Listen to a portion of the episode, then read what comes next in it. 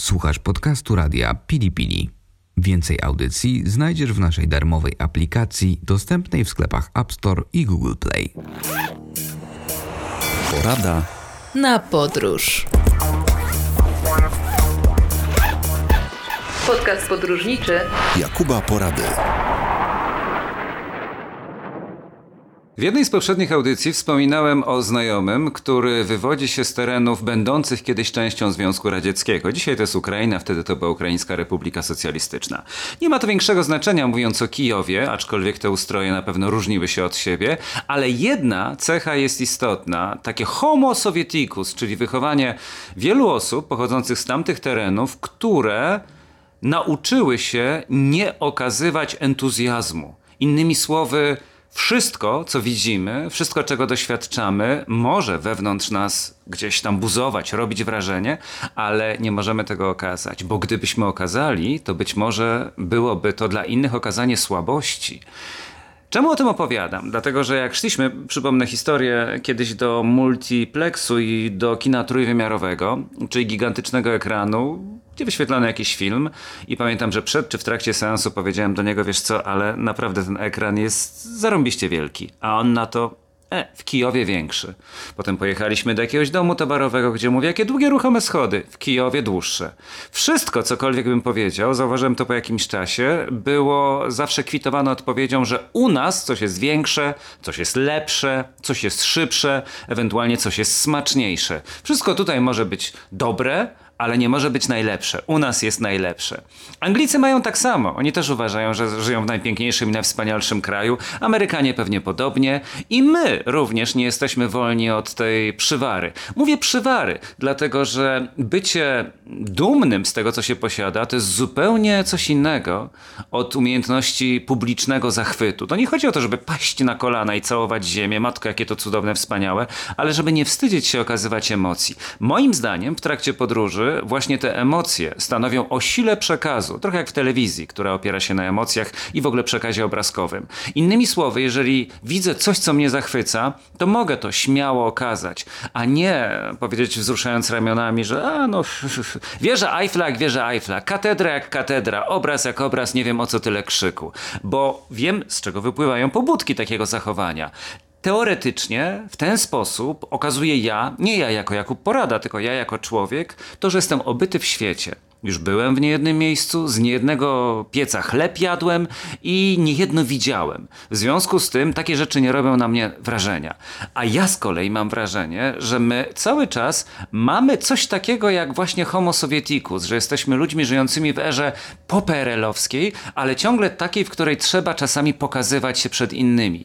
Dlatego jeśli jadę w jakieś wspaniałe miejsce i nie sfotografuję tego i nie wrzucę miliona zdjęć na portale społecznościowe, to tak jakbym nie był.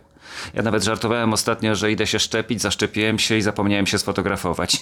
tak napisać na Facebooku. No bo co to jest za szczepionka, skoro zapomniałem pokazać zdjęcie, jak się szczepię? Mówię to oczywiście ironicznie i w żartach, ale po to, żebyście zrozumieli istotę podróżowania. Są miejsca i są sytuacje, w których nawet nie ma kiedy tego aparatu wyciągnąć, chociaż oczywiście dobrze jest uchwycić te ulotne momenty, ale czasami się da, czasami się nie da. Natomiast mamy momentami taką chęć do tego, żeby tak naprawdę nieważne, co tam jest napisane, nieważne, co tam przewodnik mówi, nieważne, gdzie się znajdujemy, ważne, żeby jak najwięcej tego obfotografować i zrobić instastory, bo tylko to zapewni nam chwilowe i złudne, ale my jeszcze tego nie wiemy, poczucie takiego zadowolenia, że wysyłamy przekaz w świat mówiący: Szkoda, że was tutaj razem ze mną nie ma. Oczywiście cieszymy się z tego, że, że tych innych nie ma tu razem z nami, że ja tutaj jestem, ale wysyłamy przekaz mówiący, że no chciałabym, czy chciałbym, żebyście tu byli razem z nami. No inni później piszą: O Jezu, jak cudownie, o Boże, jak pięknie, ale ci zazdroszczę. A ja też jadę już za dwa miesiące, na razie jeszcze się przygotowuję, ale ten, a ja byłem kilka razy i tak się ta spirala toczy. Nie mam nic przeciwko temu. Sam wrzucam wielokrotnie zdjęcia ze swoich programów, które realizuję na planie planie mm, polskich lokalizacji, europejskich, światowych lokalizacji, to jest jakaś część życia, w którym się znajdujemy.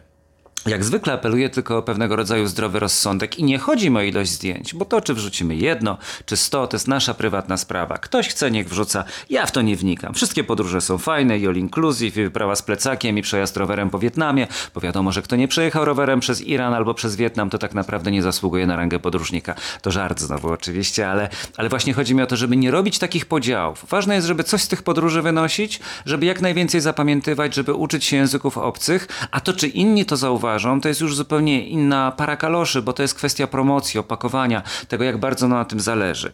Chodzi mi tylko o to, żeby uświadomić sobie jeden istotny fakt. Jeżeli pokazywanie się w różnych miejscach i później informowanie o tym bliższych i dalszych znajomych i krewnych królika ma służyć wyłącznie temu, żeby inni wiedzieli, gdzie jestem, to na pewno nie da nam to na dłuższą metę szczęścia. Bo użyję przykładu samochodowego. Gdybym kupił nawet najszybszą furę świata, nie wiem jaka to jest w tej chwili, więc nie chcę rzucać markami. To jest metafora. Gdybym kupił najszybszą furę świata i gnał nią po niemieckich drogach, na których nie ma limitu prędkości, i tak zawsze ktoś pojedzie ode mnie szybciej. Może większość zostanie w tyle, ale znajdzie się zawsze jakiś kogucik, który będzie chciał udowodnić, że on ma jeszcze szybsze auto. Przypomina mi się taki western. Kiedy byłem dzieciakiem, namiętnie oglądałem, żałuję, że teraz tak dużo się ich nie kręci. Najszybszy strzelec.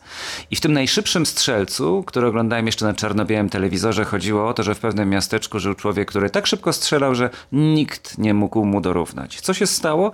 Okazało się, że tego miasteczka zaczęli ściągać rewolwerowcy z całego stanu albo z całej Ameryki po to, żeby zmierzyć zmierzyć się z tym najszybszym strzelcem. Wyzywali go na pojedynek i on nie miał świętego spokoju. Finał filmu jest taki, że upozorował główny bohater własną śmierć po to, żeby mieć święty spokój. Czyli jest grób na lokalnym cmentarzu z jego imieniem i nazwiskiem, a on z boku stoi z rodziną szczęśliwy, że wreszcie się uwolnił od tej łatki, bo inaczej w którymś momencie trafiłby w końcu na szybszego strzelca od siebie. I to jest właśnie znów metaforyczne przedstawienie tego, że jeżeli podróżujemy tylko po to, żeby zaszpanować przed znajomymi, to wcześniej czy później ktoś pojedzie dalej od nas. Ktoś pojedzie do droższego hotelu. Ktoś rywalizując z nami pobije nasz umowny rekord, w związku z tym doprowadzi nas do szewskiej pasji, a może do nerwów i do łez. Dlatego ściganie się z założenia jest nieistotne moim zdaniem, chociaż czasami pokusa istnieje. Ważne jest jednak, żeby pamiętać o tym, co siedzi tak naprawdę w podróżach, czyli to, że one mają czynić nas mądrzejszymi. A to jest także mądrość, to o czym opowiadałem przed chwilą i bogatszymi o wiedzę i doświadczenia. A jeśli przy okazji uda nam się tym pochwalić, okej, okay, nie ma żadnego problemu. Ważne jest, mocium panie, żeby znać proporcje. Wracamy po przerwie. Podcast podróżniczy Jakuba Porady. Tym razem chciałbym zachęcić Was do pewnego pomysłu.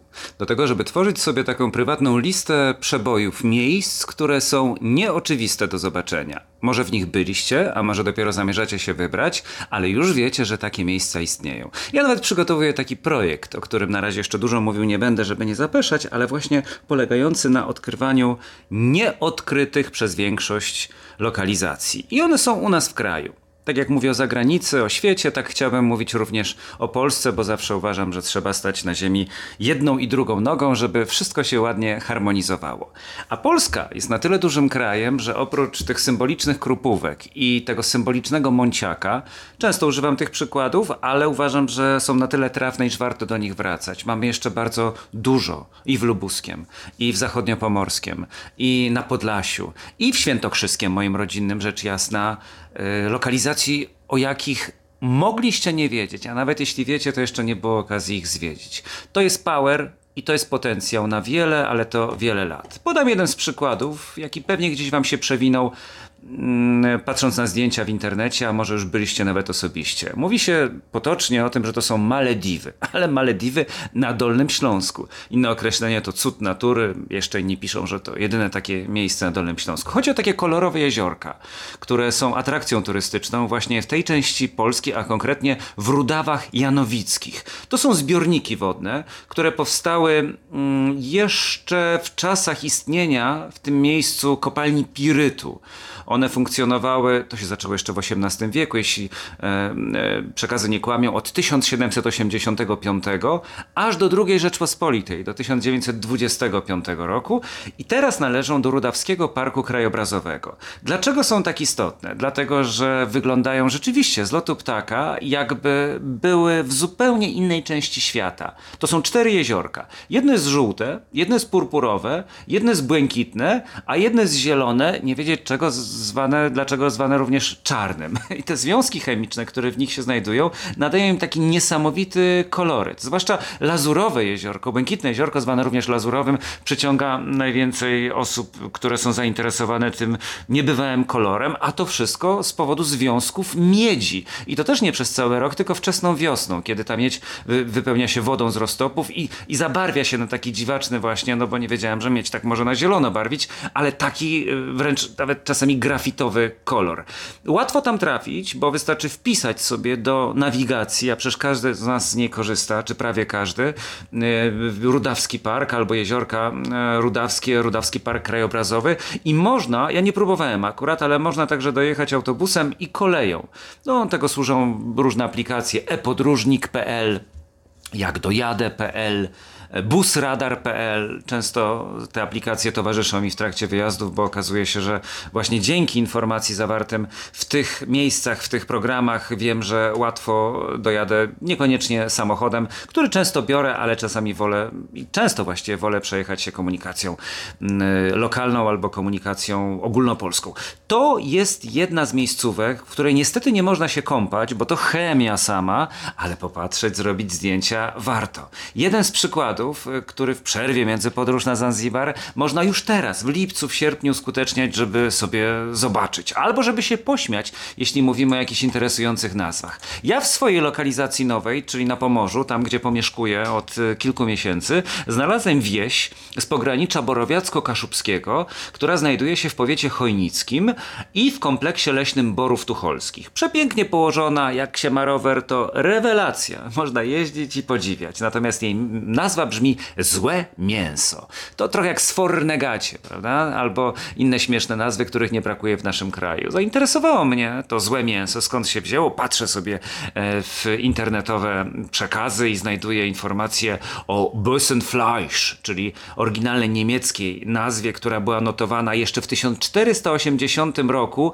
jako Boschfleit. I tak ewoluowała w ciągu jednego stulecia do drugiego, więc można to tłumaczyć jako, jako zły, jako wściekły, fleisch jako mięso, więc to kiedyś było wściekłe mięso, teraz jest złe mięso. No i dalej czytam, skąd się ta nazwa wzięła? Otóż jest ludowa mm, legenda, klechta, która mówi o tym, że kiedyś tutaj była karczma i karczmasz zapraszał gości na ucztę i na nocleg. Wielu z nich skorzystało, ale po latach okazało się, że oni tak naprawdę nigdy tej karczmy nie opuścili, ponieważ karczmasz nie tylko mordował i okradał gości, ale także wykorzystywał ich do sporządzania potraw, które jedli później kolejni goście i tak się ta spirala napędzała. To trochę jak w takim filmie z Johnnym Deppem, musicalu właściwie, który nawiązywał do słynnej postaci Golibrody i fryzjera, który e, najpierw oczywiście wykonywał swoją powinność, czyli znakomicie strzygł, golił klientów, ale później niestety pozbawiał ich także życia. No więc tutaj mamy identyczną niemal historię, która pewnie w wielu zakątkach świata występuje i pewnie nie jeden kryminał kryminał na tej podstawie mógłby powstać, ale niezależnie od prawdziwości albo nieprawdziwości, mamy wyjaśnienie skąd się wzięła nazwa.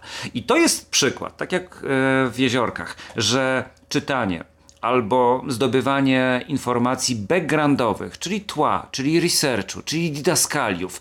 To jest podstawa do zrozumienia, dlaczego nazywa się miasto nazywa się wieś na przykład Złe Mięso, dlaczego moje rodzinne miasto nazywa się Kielce, bo ja też długo nie wiedziałem i dopiero gdzieś informacja o tym, że te Kielce to są kły, kły dzika, bo kiedyś król przejeżdżał, dzik grasował, dzik e, został zabity przez króla, a król w nagrodę, że mu się tak dobrze wszystko wszystko powiodło, nadał osadzie nazwę. Legenda, klechta, podanie, ale właśnie kły, które potem zamieniły się tak jak kieł, kieł, kiel, kielce, czyli kły w liczbie mnogiej. To jest coś, co sprawia, że znów podróże dają nam dodatkowy asumpt do tego, żeby wiedzieć więcej. I to jest tak bardzo istotne, żeby te wszystkie złe mięsa, żeby pochodzenie tych jeziorek na tych Malediwach na Dolnym Śląsku lepiej ogarniać. To jest taka nauczka na przyszłość do tego, żeby będąc chociażby w Dżambiani, również starać się poznać historię pochodzenia tego miejsca, czym się zajmują na co dzień ludzie. I nie mówię akurat o pracy w turystyce,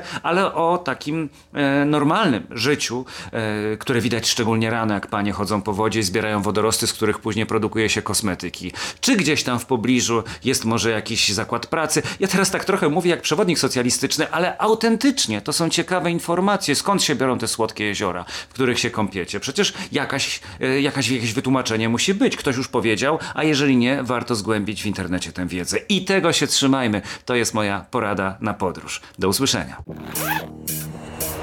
Porada na podróż. Podcast podróżniczy Jakuba Porady. Wysłuchaliście podcastu radia Pili Pili. Więcej audycji znajdziecie w naszej darmowej aplikacji dostępnej w sklepach App Store i Google Play. Do usłyszenia w radiu Pili Pili.